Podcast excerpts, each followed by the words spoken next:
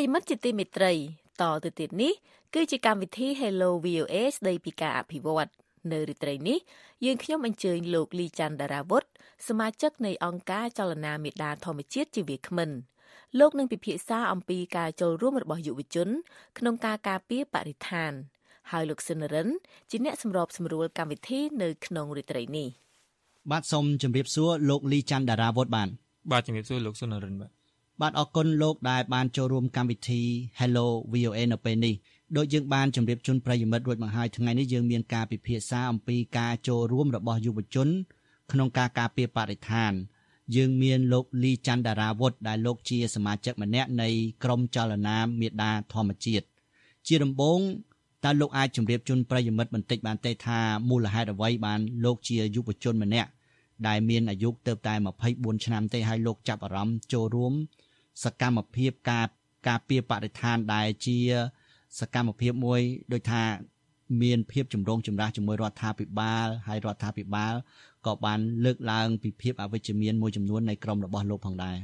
បាទអរគុណលោកសុនរិនបាទខ្ញុំគិតថាការដែលខ្ញុំចូលរួមនៅក្នុងសកម្មជនចលនាមេដាធម្មជាតិហ្នឹងគឺដោយសារតែមួយផ្នែកគឺកាលពីក្មេងខ្ញុំបានអានប្រវត្តិសាស្ត្រច្រើនហើយក្នុងនោះខ្ញុំអាន ប្រវត្តិសាស្ត្រដែលសរសេរដោយអ្នកនិពន្ធឯករាជ្យហើយខ្ញុំបានសង្កេតឃើញថាសង្គមខ្មែរយើងមានបញ្ហាច្រើនមែនទែនដែលខ្ញុំកាលហ្នឹងវាធ្វើឲ្យខ្ញុំមានកូនចិត្តមួយថាចង់ចូលរួមជាដំណោះស្រាយនៅផ្នែកណាមួយនៅក្នុងសង្គមខ្មែរគាត់ថាពេលហ្នឹងយើងមិនទាន់ដឹងថាយើងធ្វើអីទេក្រោយមកនៅពេលដែលខ្ញុំបញ្ចប់ការសិក្សាខ្ញុំអឺកាលហ្នឹងខ្ញុំរៀនបកាយខាងវិទ្យាសាស្ត្រទេខ្ញុំបកាយខាងគណិតរូបគីមីអីជាដើមហ្នឹងប៉ុន្តែហើយម្ដាយខ្ញុំហ្នឹងគាត់ចង់ឲ្យខ្ញុំទៅរៀនពេទ្យតែខ្ញុំគិតចុះកាត់ឡើងទៅខ្ញុំ ហាក់បីដូចជាចិត្តគំនិតដែលយើងចង់ជួយសង្គមហ្នឹងវាមានតាំងពីក្មេងមកហ្នឹងខ្ញុំក៏សម្រេចចិត្តថាចូលរៀនច្បាប់ដោយសង្ឃឹមថាការហ្នឹងនៅពេលដែលយើងរៀនច្បាប់ហើយយើងអាចធ្វើជាមេធាវីឬក៏ធ្វើជាចៅក្រមដែលអាចជួយផ្ដល់យុត្តិធម៌ឬក៏ជួយការពារជនអឺស្លូតត្រង់ដែលដែលកំពុងរងហានិភ័យពីការរំលោភបំពានរបស់ក្រុមអ្នកមានអំណាចក្នុងសង្គមអញ្ចឹងណាតែកាលហ្នឹងខ្ញុំក៏មិនមានចិត្តចង់ធ្វើជាសកម្មជនចង់ធ្វើជាអីដែរនៅពេលដែលខ្ញុំចូលរៀនឆ្នាំទី1ខ្ញុំក៏ចាប់ផ្ដើម ចូលធ្វើដំណើរទស្សនកិច្ចជាមួយអង្គការនៅក្នុងស្រុកមួយខ្ញុំបានទៅដល់តំបន់ដែលព្រៃប្ររកាដែលជាកន្លែងដែលមានការកាប់ព្រៃឈើហើយខ្ញុំបានមើលឃើញសហគមន៍នៅនៅទីនោះគាត់រស់នៅលំបាកមែនតើហើយគាត់ព្យាយាមការពារព្រៃឈើរបស់គាត់ខ្ញុំមានអារម្មណ៍ថាអាណិតគាត់ហើយ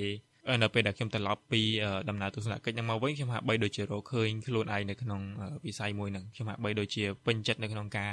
ធ្វើការងារដែលពង្រឹងទៅដល់ប្រជាជននៅមូលដ្ឋាន ហើយនឹងជួបប្រស័យតាក់ទងជាមួយយុវជនដទៃទៀតដើម្បីស្វែងរកដំណោះស្រាយសម្រាប់សង្គមជាតិដូច្នេះហើយខ្ញុំក៏បានធ្វើការស្ម័គ្រចិត្តជាមួយនឹងអង្គការមួយហ្នឹងដើម្បីធ្វើការនៅលើផ្នែកយុវជននៅឡើយទេក្រោយមកទៀតនៅពេលដែលខ្ញុំធ្វើការយូរទៅខ្ញុំក៏បានចាប់ដើមស្គាល់ក្រុមចលនាមេដាធម្មជាតិដែលមានអ្នកណែនាំមកខ្ញុំស្គាល់អញ្ចឹងណានៅនៅពេលមួយខ្ញុំមានឱកាសថតចូលរួមថតវីដេអូជាមួយចលនាមេដាធម្មជាតិរឿងអាគារដែលសង់រំលោភលើដីឆ្នេរហើយជាឱកាស របស់ខ្ញុំដែរកាលហ្នឹងខ្ញុំក៏សម្រេចចិត្តភ្លាមភ្លាមថាខ្ញុំនឹងចូលរួមក្រោយមកទៀតនៅពេលដែលចលនាមេដាធម្មជាតិមានបញ្ហាត្រូវបានគេចាប់ខ្លួនទៅខ្ញុំក៏សម្រេចចិត្តថានឹងចូលរួមជាមួយពួកគេដើម្បីបន្តការងាររបស់ចលនាមេដាមេដាធម្មជាតិនឹងឲ្យតទៅមុខទៀតមួយផ្នែកខ្ញុំមើលឃើញថាការងារដែលចលនាមេដាធម្មជាតិធ្វើគឺមានប្រសិទ្ធភាពហើយមានភាពច្នៃប្រឌិតហើយទី2គឺចលនានេះវាគឺជាកន្លែងដែលអនុញ្ញាតឲ្យខ្ញុំនឹងបញ្ចេញភាពជាខ្លួនឯងបញ្ចេញគំនិតខ្លួនឯងហើយយកវាទៅ អនុវត្តនៅក្នុងសង្គមដើម្បីធ្វើយ៉ាងណាយើងព្យាយាមជំរុញឲ្យមានការផ្លាស់ប្ដូរជីវវិជ្ជមាននៅតាមមូលដ្ឋានដើម្បីជួយទៅដល់សុខុមាលភាពប្រជាពលរដ្ឋការពារទុនធានធម្មជាតិហើយខ្ញុំសប្បាយចិត្តនៅពេលដែលឃើញប្រជាពលរដ្ឋគាត់គ្រប់គ្រងគាត់ពេញចិត្តនឹងអ្វីដែលយើងធ្វើហើយនៅពេលដែលពួកយើងបានការពារអីមួយឲ្យបានជោគជ័យហ្នឹងវាគឺជាអារម្មណ៍មួយដែលខ្ញុំមិនអាចរកពីកន្លែងផ្សេងបានបាទតើលោកបំពេញការងារហ្នឹងប្រហែលឆ្នាំហើយហើយថាតើក្រុមគ្រួសារមាន ការគ្រប់គ្រងឬក៏មានជំទាស់អីទេ បាទខ្ញុំបំពេញការងារហ្នឹងមកដល់ឥឡូវជាង3ឆ្នាំហើយហើយចំពោះក្រុមគ្រួសារវិញតាមពិតទៅម្ដាយខ្ញុំគាត់ពីមុនគាត់ធ្លាប់ធ្វើការងារនៅក្នុងអង្គការមិនរដ្ឋាភិបាលយូរហើយណាខ្ញុំដឹងការហ្នឹងប៉ុន្តែគាត់មកគាត់ក៏ឈប់ហើយគាត់ទៅរកស៊ីវិញហើយដូច្នេះការដែលធ្វើការងារជួយសង្គមហ្នឹងម្ដាយខ្ញុំយ៉ាងហោចណាស់គាត់យល់មកផ្នែកដែរគាត់ថាពេលហ្នឹងនៅពេលដែលគាត់ឃើញខ្ញុំចូលរួមជាមួយចលនាវិទ្យាធម្មជាតិហ្នឹងខ្ញុំចាប់ផ្ដើមចេញមុខនៅក្នុង វីដេអូផងខ្ញុំនៅពេលដែលយើងដើរតាមផ្លូវខ្ញុំបានធ្លាប់ជជែកវែកញែកច្បាប់ជាមួយនឹងអាជ្ញាធរផងធ្វើឲ្យគាត់នឹងមានការបារម្ភច្រើនដែរហើយគាត់តែងតែព្យាយាមខាត់ខ្ញុំថាធ្វើការងារសង្គមទៅតែកុំទៅលឿនពេកឬក៏កុំកុំធ្វើពេលក្តៅពេកគិតពីខ្លួនឯងខ្លះផងជួនកាលគាត់ថាឈប់ទៅព្រោះគាត់បារម្ភខ្លាចយើងត្រូវបានចាប់ខ្លួនអញ្ចឹងណាហើយគាត់ តែងតែរំលឹកពីបុគ្គលដែលគាត់ធ្លាប់បានលះបង់ដូចជាបណ្ឌិតកែមលីលោកជុតវុធាជាដើមហ្នឹងគាត់គាត់ភ័យខ្លាចថានៅពេលដែលយើងចូលរួមការពារទុនធានធម្មជាតិយូរទៅយើងនឹងអាចខ្លាចទៅជាជនរងគ្រោះមួយដូចជាអ្នកដែលធ្លាប់រងគ្រោះពីមុនអញ្ចឹងណាប៉ុន្តែឥឡូវនេះលីចន្ទរាវុធបានប្រឈមរួចទៅហើយគឺថាធ្លាប់ជាប់ពន្ធនាគារហើយក៏បានដឹងក៏ជាប់ពងមានបណ្ដឹងនៅតុលាការទៀតបាទតែពេលហ្នឹងយ៉ាងម៉េចវិញដោយថាវាជួបប្រទះបញ្ហាហ្នឹងហើយអ្វីដែល ម្ដាយបានប្រាប់ហ្នឹងគឺជាបានជួបរួចទៅហើយបាទនិយាយមែនតើទៅការដែលគេចាប់ខ្លួនខ្ញុំហ្នឹងខ្ញុំក៏មិននឹកស្មានដែរដោយសារការហ្នឹងខ្ញុំចូលរួមធ្វើការในចលនាវិទ្យាធម្មជាតិគឺជាកំឡុងពេលដែលយើងធ្វើការលាក់មុខណាយើងយើងតាក់ទងជាមួយយុវជនផ្សេងប៉ុន្តែនៅពេលដែលយើងចេញនៅក្នុងវីដេអូយើងមិនមានការបើកមុខពួកគាត់ទេហើយខ្ញុំហ្នឹងក៏ มันមានពីណាគេស្គាល់ច្រើនណាស់នៅក្នុងសង្គមពេលហ្នឹងដូច្នេះខ្ញុំហាក់បីដូចជាមិនសូវបារម្ភរឿងចាប់ខ្លួនណាអញ្ចឹងនៅពេលដែលគេចាប់ខ្លួនយើងយើងក៏មានការភ្ញាក់ផ្អើលដែរហើយចំពោះម៉ាក់ខ្ញុំវិញគឺការហ្នឹងគឺគាត់ស្គមមែនតើហើយគាត់មានការបារម្ភខ្លាំងអញ្ចឹងខ្ញុំឃើញគាត់ទៅលេងខ្ញុំនៅពន្ធនាគារគាត់មានសុខភាពខ្សោយហើយវាធ្វើឲ្យខ្ញុំនឹងបារម្ភដែរ ប៉ុន្តែទោះបីយ៉ាងណាឥឡូវគាត់នៅគាត់នៅតែបន្តគ្រប់គ្រងខ្ញុំហើយខ្ញុំយល់ថាគាត់ពីឆ្លងកាត់រឿងហៅទាំងទាំងអស់គាត់ចាប់ផ្ដើមយល់ពីអ្វីដែលខ្ញុំចង់ធ្វើអ្វីដែលជា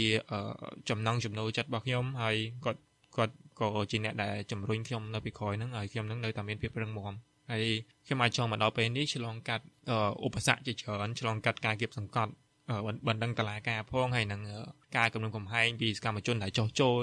ចង់ឲ្យយើងចោះចូលឲ្យជាដើមហ្នឹងខ្ញុំគិតថាមួយផ្នែកហ្នឹងក៏មានម៉ាក់ខ្ញុំដែរនៅពីក្រោយហ្នឹងដែរព្រោះថាបើសិនជាខ្ញុំចោះចូលខ្ញុំជឿថាម៉ាក់ខ្ញុំហ្នឹងគាត់ប្រកាសជាពិបាកចិត្តជាងខ្ញុំធ្វើការដើម្បីសង្គមទៀតបាទចឹងឥឡូវនេះតើបងអូនអាចជម្រាបបន្តិចបានទេថាតើមានជាប់បណ្ដឹងនៅតឡាការចុងក្រោយហ្នឹងរឿងអីឲ្យច្បាស់ដែរហើយឥឡូវហ្នឹងដំណើរការនីតិវិធីដល់ណាហើយបាទបច្ចុប្បន្នខ្ញុំជាប់បទចោតពីបទរួមគំនិតក្បត់ គណៈពេលដែលសកម្មជនផ្សេងទៀតដែលជាមិត្តរួមក្រុមខ្ញុំហ្នឹងមាន2នាក់គាត់ជាប់បន្តពីលើទៀតគឺប្រមាថព្រះមហាក្សត្រចឹង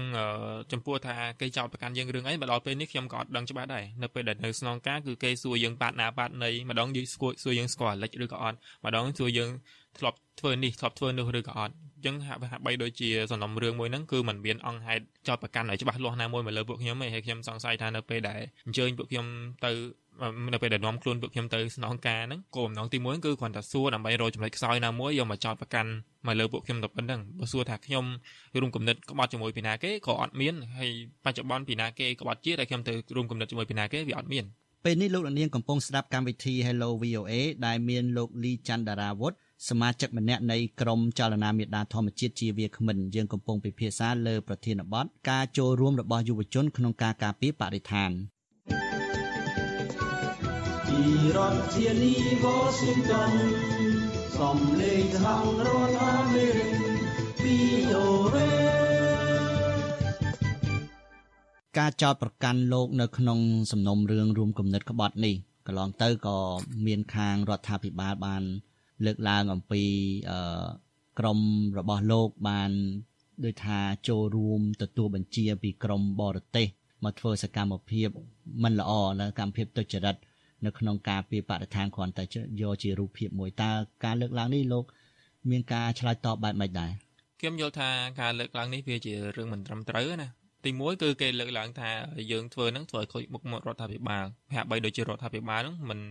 ខ្វាយខ្វល់ពីសុខុមាលភាពរបស់ប្រជាជនទេហាក់បីដូចជាខ្លួនឯងហ្នឹងគិតមុខមាត់ខ្លួនឯងហ្នឹងជាធំចឹងមានន័យថាឲ្យតែរដ្ឋាភិបាលមានមុខមាត់ប្រជាជនចង់វេទនាចង់បំផ្លាញធនធានធម្មជាតិចង់ប្រទេសខ្មែររលាយមិនក៏ដោយក៏អត់អត់បញ្ហាដែរតែមិនឲ្យតែរដ្ឋាភិបាលមានមុខមាត់ទេគេនិយាយថាហេតុអីមិននិយាយរឿងល្អល្អរបស់ប្រទេសកម្ពុជារឿងល្អល្អមានច្រើនគេផ្សាយតាមទូរទស្សន៍គេផ្សាយលើកជើងគ្នាឯងគេមានប្រព័ន្ធផ្សព្វផ្សាយច្រើនជាងគាត់ហ្នឹងប៉ុន្តែប្រជាពលរដ្ឋដែលគាត់ជួបទុកលំបាកគាត់ រងផលប៉ះពាល់ពីគម្រោងអភិវឌ្ឍរបស់រដ្ឋាភិបាលហ្នឹងមិនដែលមានពីណាគេចោះទៅយកព័ត៌មានពីពួកគាត់ប្រមាណទេមិនដែលមានគេទៅគាំពៀពួកគាត់ទេហើយដូចនេះវាគឺជាទូនាទីរបស់ពួកខ្ញុំដែលត្រូវនិយាយហើយបើសិនជាគាត់យល់ថាហេតុអីបានជាយើងលើកឡើងតែរឿងមិនល្អខ្ញុំយល់ថាបើសិនជាមិនចង់ឲ្យគេលើកឡើងពីរឿងមិនល្អទាំងហ្នឹងតើតែខ្លួនឯងហ្នឹងកុំប្រព្រឹត្តតើតែខ្លួនឯងហ្នឹងកុំធ្វើបើមិនចង់ឲ្យគេនិយាយរឿងពុករលួយនៅក្នុងផ្នែកធនធានធម្មជាតិតើតែខ្លួនឯងហ្នឹងមិនពុករលួយបើខ្លួនឯងពុករលួយដដែលអញ្ចឹងអត់ឲ្យគេលើកឡើងពីរឿងហ្នឹងវាអត់ស័ក្តិសមវាហាក់បីដូចជាបុគ្គលហ្នឹងអាក្រក់បុគ្គលហ្នឹងទៅប្លន់គេ ហើយយើងស្គាល់បុគ្គលយើងនិយាយថាបុគ្គលជាអ្នកប្លន់គេបែរជាគេមកចោទយើងថាកុំនិយាយរឿងថាបុគ្គលនឹងអាក្រក់និយាយរឿងល្អល្អរបស់បុគ្គលហ្នឹងទៅអញ្ចឹងសង្គមហ្នឹងយល់ទៅទៅជាសង្គមអនាធិបតេយ្យឲ្យតែខ្លួនឯងមានអំណាចអញ្ចឹងទៅមានមុខមាត់ទៅកុំឲ្យគេនិយាយប៉ះពាល់មុខមាត់ខ្លួនឯងប៉ុន្តែធ្វើម៉េចឲ្យខ្លួនឯងប្រព្រឹត្តអំពើអាក្រក់ហ្នឹងមិនបាច់កែប្រែទេឬក៏យ៉ាងណាអញ្ចឹងខ្ញុំមិនគ្រប់គ្រងហើយការដែលចោទប្រកាន់ថាយុវជនខ្មែរហ្នឹងគឺជាអ្នកទទួលបញ្ជាពីបរទេសហ្នឹងវាហាក់បីដូចជាមើងងាយយុវជនខ្មែរពេកយុវជនខ្មែររហងៃគាត់មានចិត្តកំណត់គាត់ចេះស្រឡាញ់ធនធានធម្មជាតិរបស់គាត់ដែរតាគាត់មានកំណត់ច្នៃប្រឌិតក្នុងការធ្វើយុទ្ធនាការរបស់គាត់ដែរតា គាត់មានការគិតស៊ីជម្រៅដែរតាវាមិនមែនយុវជនខ្មែរកើតមកអត់មានចំណេះដឹងអីអត់មានការអប់រំបើបើសិនជាគាត់និយាយចឹងមានន័យថាគាត់នឹងបរាជ័យនៅក្នុងការអប់រំប្រជាជនឲ្យឲ្យស្រឡាញ់ជាតិរបស់ខ្លួនឯងមានន័យថាម៉េចមានន័យថាប្រជាយុវជនហ្នឹងគឺមិនបាច់ចេះខ្វាយខ្វល់ពីសង្គមជាតិអីទេគិតតែរឿងខ្លួនឯងទៅអញ្ចឹងកុំតែនិយាយពីរឿងសង្គមអីដែលធ្វើឲ្យប៉ះពាល់មុខរដ្ឋាភិបាលហ្នឹងទើបគាត់យល់ថាល្អជាធម្មតាជាយុវជនម្នាក់ពេលយើងបញ្ចប់ការសិក្សាយើងតែងសម្លឹងមើលការងារមួយ ជាក់លាក់ដើម្បីទទួលបានប្រាក់ចំណូលមកដល់ពេលនេះលីច័ន្ទតារាវុធដូចថាតើបានគិតថានឹងបន្តសកម្មភាពនឹងទៅហើយ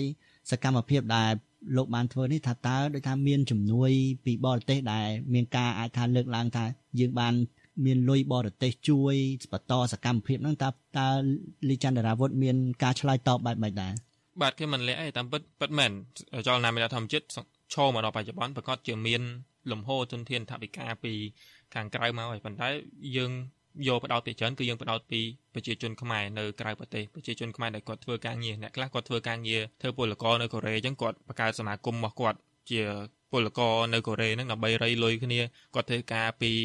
សំណងពីអីបានតិចបន្តួចអញ្ចឹងរៃមកឲ្យពួកយើងជាប្រចាំខែនៅមានខ្មែរនៅបារាំងខ្មែរនៅអឺរ៉ុបហើយនិងខ្មែរនៅអាមេរិកទៀតដូច្នេះគឺពួកយើងទទួលបានចំនួនមួយភាគធំគឺពីប្រជាជន ចលនារបស់យើងគឺជាការគ្រប់គ្រងពីប្រជាជនសូម្បីតែប្រជាជននៅស្រុកខ្មែរហ្នឹងក៏នៅតែគ្រប់គ្រងយើងជាប្រចាំប្រចាំខែដែរហើយនៅពេលដែលយើងអត់លុយគឺយើងទៅស្នើសុំពីប្រជាជនខ្មែរហើយចាក់ស្ដែងគឺយើងបានបង្ហោះសារមួយដើម្បីស្នើសុំថវិកាពីប្រជាជនខ្មែរទៅទិញដ្រូនហើយចាក់ស្ដែងយើងត្រូវការតែ700ជាងឯងគាត់បានផ្ញើមកឲ្យពួកយើងដល់ជាង2000ដុល្លារទាំងអស់ហ្នឹងគឺជាប្រភពចំណូលរបស់យើងហើយយើងក៏មានការតាក់ទងប្រស័យតាក់ទងនៅក្នុងការងាររបស់យើងជាមួយនឹងអង្គការដៃគូដទៃទៀតដែលគាត់លើកស្ទួយទៅលើសិទ្ធិមនុស្សទាំងអង្គការជាតិនិងអន្តរជាតិដូចគ្នាដូច្នេះចលនារបស់ពួកយើងរស់មកដល់សប្តាហ៍ថ្ងៃគឺជាមានការចូលរួមពីខាងប្រជាជនផងពីខាងអង្គការដៃគូទាំងអង្គការក្នុងស្រុកនិងអង្គការអន្តរជាតិផងបាទខ្ញុំបានដឹងថាលោកផ្ទាល់ក៏ដូចជាក្រុមរបស់លោកកាលពីពេលថ្មីថ្មីនេះបានទទួលពានរង្វាន់មួយឈ្មោះថា Right Livelihood ដែលទទួលបាននៅប្រទេសស៊ុយអែតនៅក្នុងទីក្រុង Stockholm តើពានរង្វាន់នេះមានអត្ថន័យយ៉ាងម៉េចចំពោះរូបលោកផ្ទាល់ហើយ ថាតើយើងទទួលបានពានរង្វាន់នេះហើយថាយើងនឹងបន្តសកម្មភាពបែបម៉េចបន្តទៀតបាទពានរង្វាន់នេះបើសិនជាយើងនិយាយអំពីប្រជាជននៅអឺរ៉ុបគេតែងតែហៅវាថាជាពានរង្វាន់ជំនួស Nobel មានន័យថាកាលពីមុនគឺគេចង់បង្កើតផ្នែកបរិស្ថាននឹងនៅក្នុងពានរង្វាន់ Nobel គឺ Nobel បរិស្ថានហើយការជជែកគ្នាជាមួយនឹងគណៈកម្មការនៅក្នុងហ្នឹងគេបាន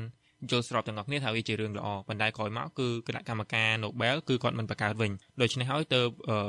ម្ចាស់មូលនិធិហ្នឹងគឺគាត់បាន រួបរวมគ្នាបង្កើតពានរង្វាន់ថ្មីមួយឡើងដើម្បីផ្ដល់ទៅឲ្យសកម្មជនបរិស្ថានដែលជាពានរង្វាន់ Right Livelihood ហ្នឹងទើបវាជាប់ឈ្មោះមកដល់បច្ចុប្បន្នហ្នឹងគឺពានរង្វាន់ជំនួស Nobel មានន័យថា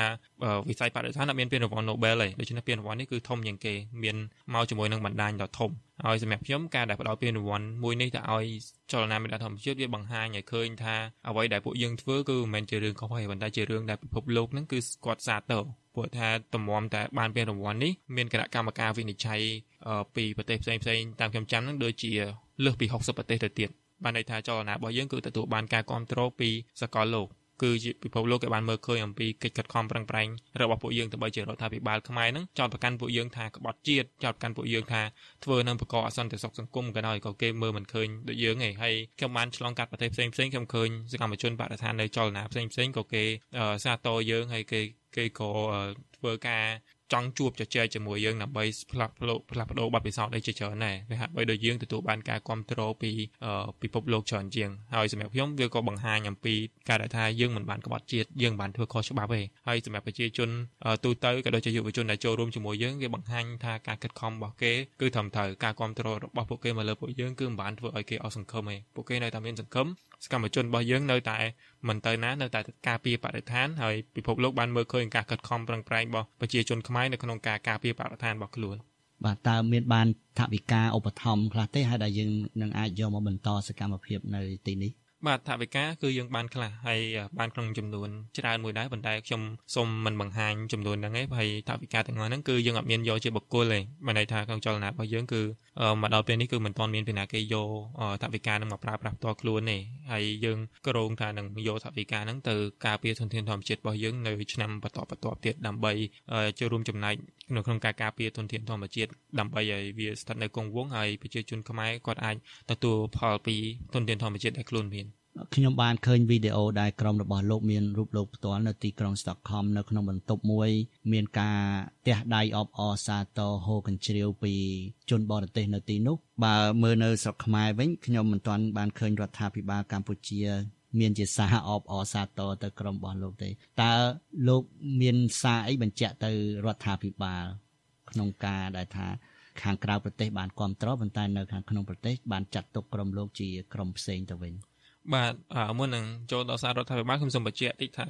មនុស្សដែលចូលរួមការនោះគឺមានខ្ញុំមិនច្បាស់ទេពីចន្លោះ800ទៅ1000នាក់ហើយនៅក្នុងនោះគឺមានសុទ្ធតែសាស្ត្រាចារ្យតំណាងរាស្ត្រតំណាងរាស្ត្រមកពី សភាអាឡម៉ង់ដំណើរមកពីសភាសុយអែតហើយនឹងអ្នកជំនួញមហាសទ្ធិហើយនឹងមនុស្សជាច្រើនទៀតដែលគាត់ធ្វើការនៅក្នុងវិស័យសង្គមស៊ីវិលសិស្សនិស្សិតហើយជាច្រើនបានចូលរួមវាគឺជាកម្មវិធីធំប្រចាំឆ្នាំនៅប្រទេសសុយអែតហើយពួកខ្ញុំសប្បាយចិត្តមែនទែននៅពេលដែលឃើញមានអ្នកចូលរួមច្រើននៅក្នុងការអបអរពួកយើងដែលជាផ្នែកមួយនៃពានរង្វាន់នឹងដែរហើយសម្រាប់ខ្ញុំទៅរដ្ឋាភិបាលខ្ញុំហាក់បីដូចជាមើលឃើញថាកន្លងមកពួកយើងមិនដែលទទួលបានការយកចិត្តទុកដាក់ឬក៏ការចូលរួមស្ដាប់សហការពីរដ្ឋាភិបាលទេទោះបីជាពួកយើងព្យាយាមស្នើសុំការសហការយ៉ាងណាក្តីទោះបីជាពួកយើងបានដាក់ញត្តិទៅជាច្រើនយ៉ាងណាក្តីយើងមិនដែលឃើញមានការឆ្លើយតបទេហើយផ្ទុយទៅវិញគឺរយៈពេលចុងក្រោយនេះគឺគាត់បានលើកឡើងថាការទទួលពាននឹងហាក់បីដូចជាមិនសំខាន់ទៅទៀតខ្ញុំខ្ញុំយល់ថាការនឹងបើសិនជា3នាក់យើងមិនអាចទៅបានទៀតវាហាក់បីដូចជាយើងនឹងបានខាតឱកាសមួយដ៏ធំនៅក្នុងការជួបតំណាងរាស្ត្រការជួបមន្ត្រីក្រសួងការបរទេសនៅក្នុងប្រទេសអាល្លឺម៉ង់ប្រទេសស៊ុយអែតឯជាដើមហើយនឹងសកម្មជនបរិស្ថានជាច្រើនទូទាំងពិភពលោកហើយជា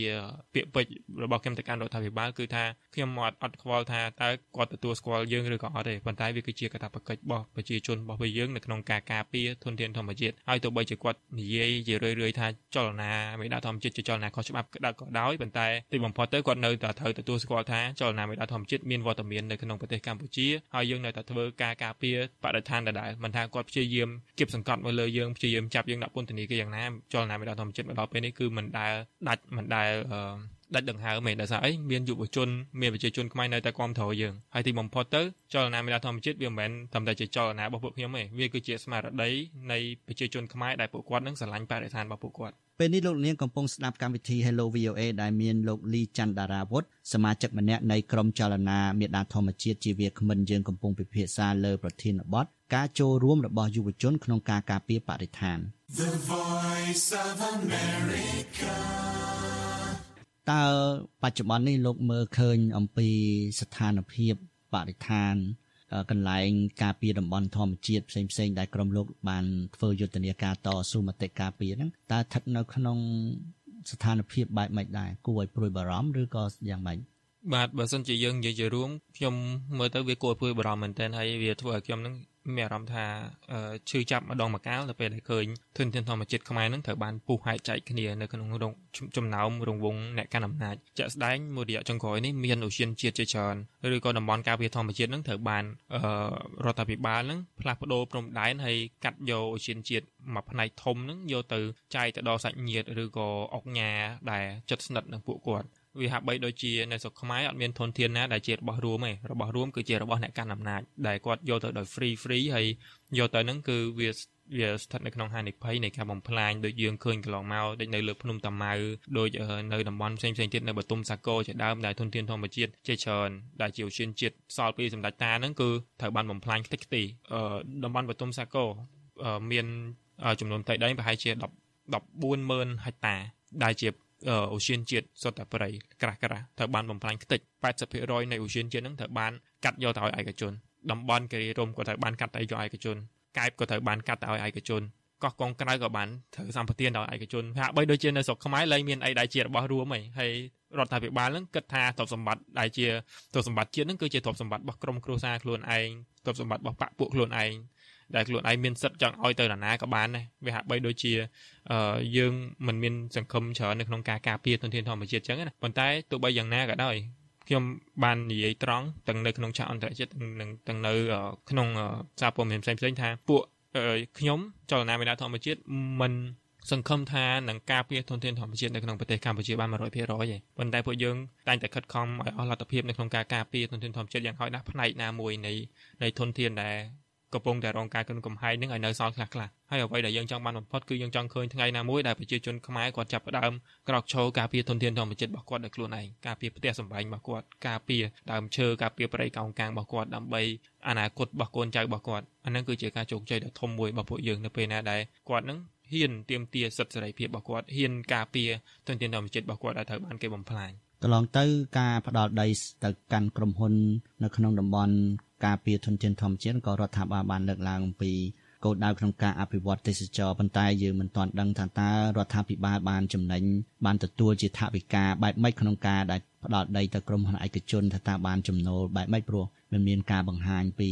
ទិន្នន័យនៃចំនួនទឹកប្រាក់ដែលទទួលបានពីក្រុមហ៊ុនវិនិយោគនឹងក្នុងការផ្ដល់ដីនៅតំបន់អូសៀនធម្មជាតិនោះទេបាទកន្លែងហ្នឹងខ្ញុំខ្ញុំសូមលើកឡើងបន្តិចថាវាបង្ហាញពីភាពមិនស្មើគ្នាណាបងខ្ញុំឧទាហរណ៍ដូចជាប្រជាជននៅកោះកុងក្រៅដែលគាត់រស់នៅលើភូមិលិចទឹកគាត់ភូមិនៅលើទឹកដែលគាត់ចង់ ផ្ទះបដោយទឹកចឹងណាព្រោះគាត់អាចឡើងទៅនៅលើកោះបានទេទោះបីជាគាត់ព្យាយាមស្នើសុំរដ្ឋាភិបាលដើម្បីឡើងទៅលើគោកឲ្យថាមិនសុំកម្មសិទ្ធិទេគ្រាន់តែថាសុំដីមួយមួយផ្នែកណាមួយដើម្បីឲ្យពួកគាត់សង់ផ្ទះនៅឲ្យបានស្រួលក្នុងឲ្យមានភាពជាមនុស្សខ្លះទៅប៉ុន្តែវាហាក់បីដូចជារដ្ឋាភិបាលហ្នឹងមិនដែលឆ្លើយតបទៅនឹងសំណើរបស់គាត់ទេហើយសំណើហ្នឹងគឺអឺផ្អាប់ទុកចោលអត់មានដែលនិយាយអំពីប្រជាជននៅ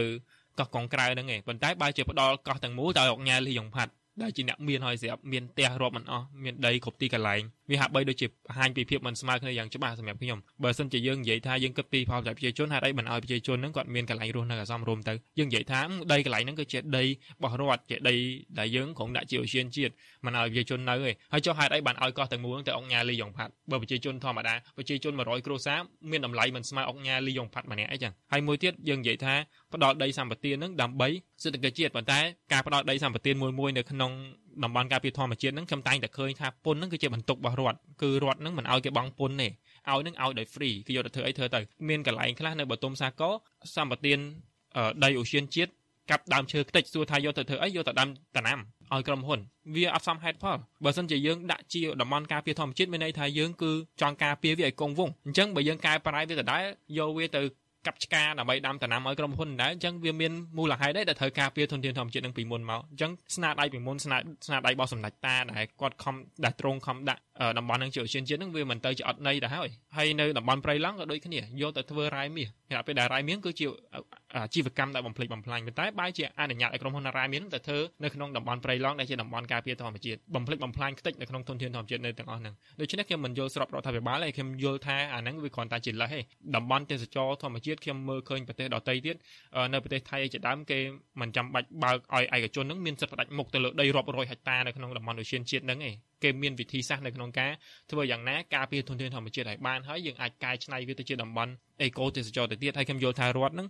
មិនមែនខ្វះលទ្ធភាពនៅក្នុងការធ្វើតំបន់អេកូទេសចរទេប្រជាជននៅតាមមូលដ្ឋានហ្នឹងគាត់អាចចូលរួមនៅក្នុងការអភិវឌ្ឍតំបន់អេកូទេសចរបានវាគ្រាន់តែត្រូវការរដ្ឋហ្នឹងគាំពៀពួកគាត់ផ្ដល់ជំនួយដល់ពួកគាត់ទាំងថវិកាទាំងធនធានសម្ភារៈនិងធនធានមនុស្សតែប៉ុណ្្នឹងក្រសួងបរិស្ថានចាយលុយមួយឆ្នាំមួយឆ្នាំរាប់លានដុល្លារបើនិយាយថាខ្លួនឯងហ្នឹងគ្មានលុយធ្វើតំបន់អេកូទេសចរដើម្បីប្រជាពលរដ្ឋទទួលបានផលហ្នឹងខ្ញុំយល់ថារដ្ឋមន្ត្រីហ្នឹងចោះចេញទៅព្រោះថាឲ្យមកខ្ញុំវិញខ្ញុំធ្វើបានតាខ្ញុំខ្ញុំនឹងមានកញ្ចប់លុយដើម្បីជួយឲ្យប្រជាជននៅមូលដ្ឋានហ្នឹងគាត់អាចធ្វើជាតំបន់អេកូទេសចរដើម្បីរកលុយបានទៀតហើយខ្ញុំអាចតាក់ទាញទេសចរពីបរទេសមកដើម្បីឲ្យគាត់មកលេងតំបន់អេកូទេសចរខ្មែរមិនចាំបាច់ក្រុមហ៊ុនទេហើយយើងឃើញកន្លងមកហើយនៅពេលដែលផ្ដល់កោះមួយឲ្យទៅក្រុមហ៊ុនកន្លែងហ្នឹងខ្លាចទៅជាកន្លែងមួយឡើងយ៉ាងថ្លៃចង់ទៅលេងកោះមួយឧទាហរណ៍កោះសង្សារចំណាយលុយមួយថ្ងៃ1000ដុល្លារសួរថាប្រជាជនខ្មែរស្គាល់កោះហ្នឹងឯងរាល់ថ្ងៃសូម្បីតែខ្ញុំក៏អត់ស្គាល់ដែរតែសួរប្រជាជន100នាក់ឯង100នាក់សឹងមាន99នាក់ដែលអត់ស្គាល់កោះសង្សារហេតុអីវាថ្លៃពេកអត់មានពីណាគេទៅលេងទេហើយអញ្ចឹងវាជួបហានិភ័យនឹងយើងបាត់បង់ទឹកដីទៅទៀតឧទាហរណ៍កោះកងក្រៅចុះយើងថា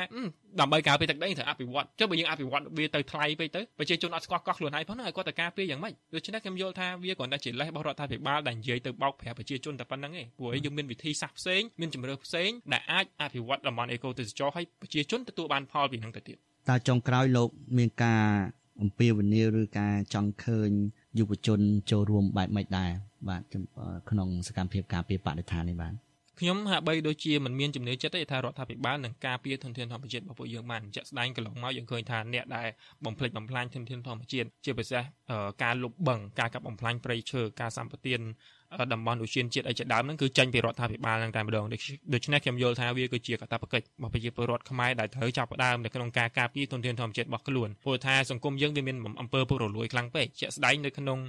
របាយការណ៍អំពីសន្ទុះនៃអំពើពុករលួយខ្មែរយើងគឺជាប់លេខបាតតារាងលើសតែវេណេស៊ុយអេឡាមួយដែលកំពុងតែចលាចលទេដោយសារតែយើងមានអំពើពុករលួយខ្លាំងពេកដែលធ្វើឲ្យទុនធានធម្មជាតិរបស់យើងចេះតែហិនហោចទៅនៅក្នុងស្នាដៃរបស់មន្ត្រីមួយចំនួនដែលគាត់ហ្នឹងជាអ្នកការពារប៉ុន្តែគាត់បែរទៅជាបំផ្លាញទុនធានធម្មជាតិរបស់ខ្លួនឯងដើម្បីផលប្រយោជន៍បុគ្គលហ្នឹងដូច្នេះហើយមកដល់ពេលនេះគឺជាពេលវេលារបស់យុវជនខ្មែររបស់ប្រជាជនខ្មែរដែលត្រូវក្រោកឡើងការពារភាពត្រឹមត្រូវការពារយុត្តិធម៌ហើយការពារធនធានធម្មជាតិរបស់ខ្លួនឯងដើម្បីបាននៅគង់វង្សបើមិនជាយើងរំពឹងតែលើមន្ត្រីដែលពុករលួយទាំងអស់ហ្នឹងខ្ញុំយល់ថាធនធានធម្មជាតិយើងនឹងរលាយអស់មិនឆាប់ទេហើយក្នុងប្រវត្តិសាស្ត្រខ្មែរបាន ពហិនយើងជាច្រើនហើយនៅពេលណាដែលប្រព័ន្ធយើងនៅតែមានអំពើពុករលួយមន្ត្រីនៅតែគិតអំពីផលប្រយោជន៍ផ្ទាល់ខ្លួនហើយប្រជាជនខ្មែរលែងគិតពីប្រទេសជាតិហ្នឹងគឺប្រទេសយើងនឹងជួបហានិភ័យជាមិនផុតទេដូច្នេះវាជាពេលវេលាមួយជាឱកាសមួយដែលយើងត្រូវតែកែប្រែប្រវត្តិសាស្ត្រត្រូវតែធ្វើឲ្យគេមើលឃើញថាប្រជាជនខ្មែរជំនាន់នេះវាមិនមែនជាប្រជាជនខ្មែរជំនាន់មុនដែល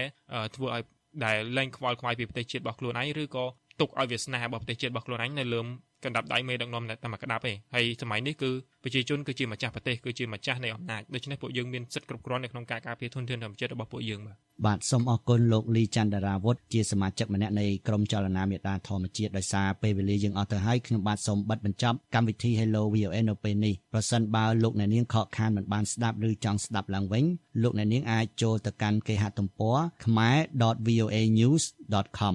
ពេលនេះខ្ញុំបាទសូមអរគុណនិងសូមជម្រាបលា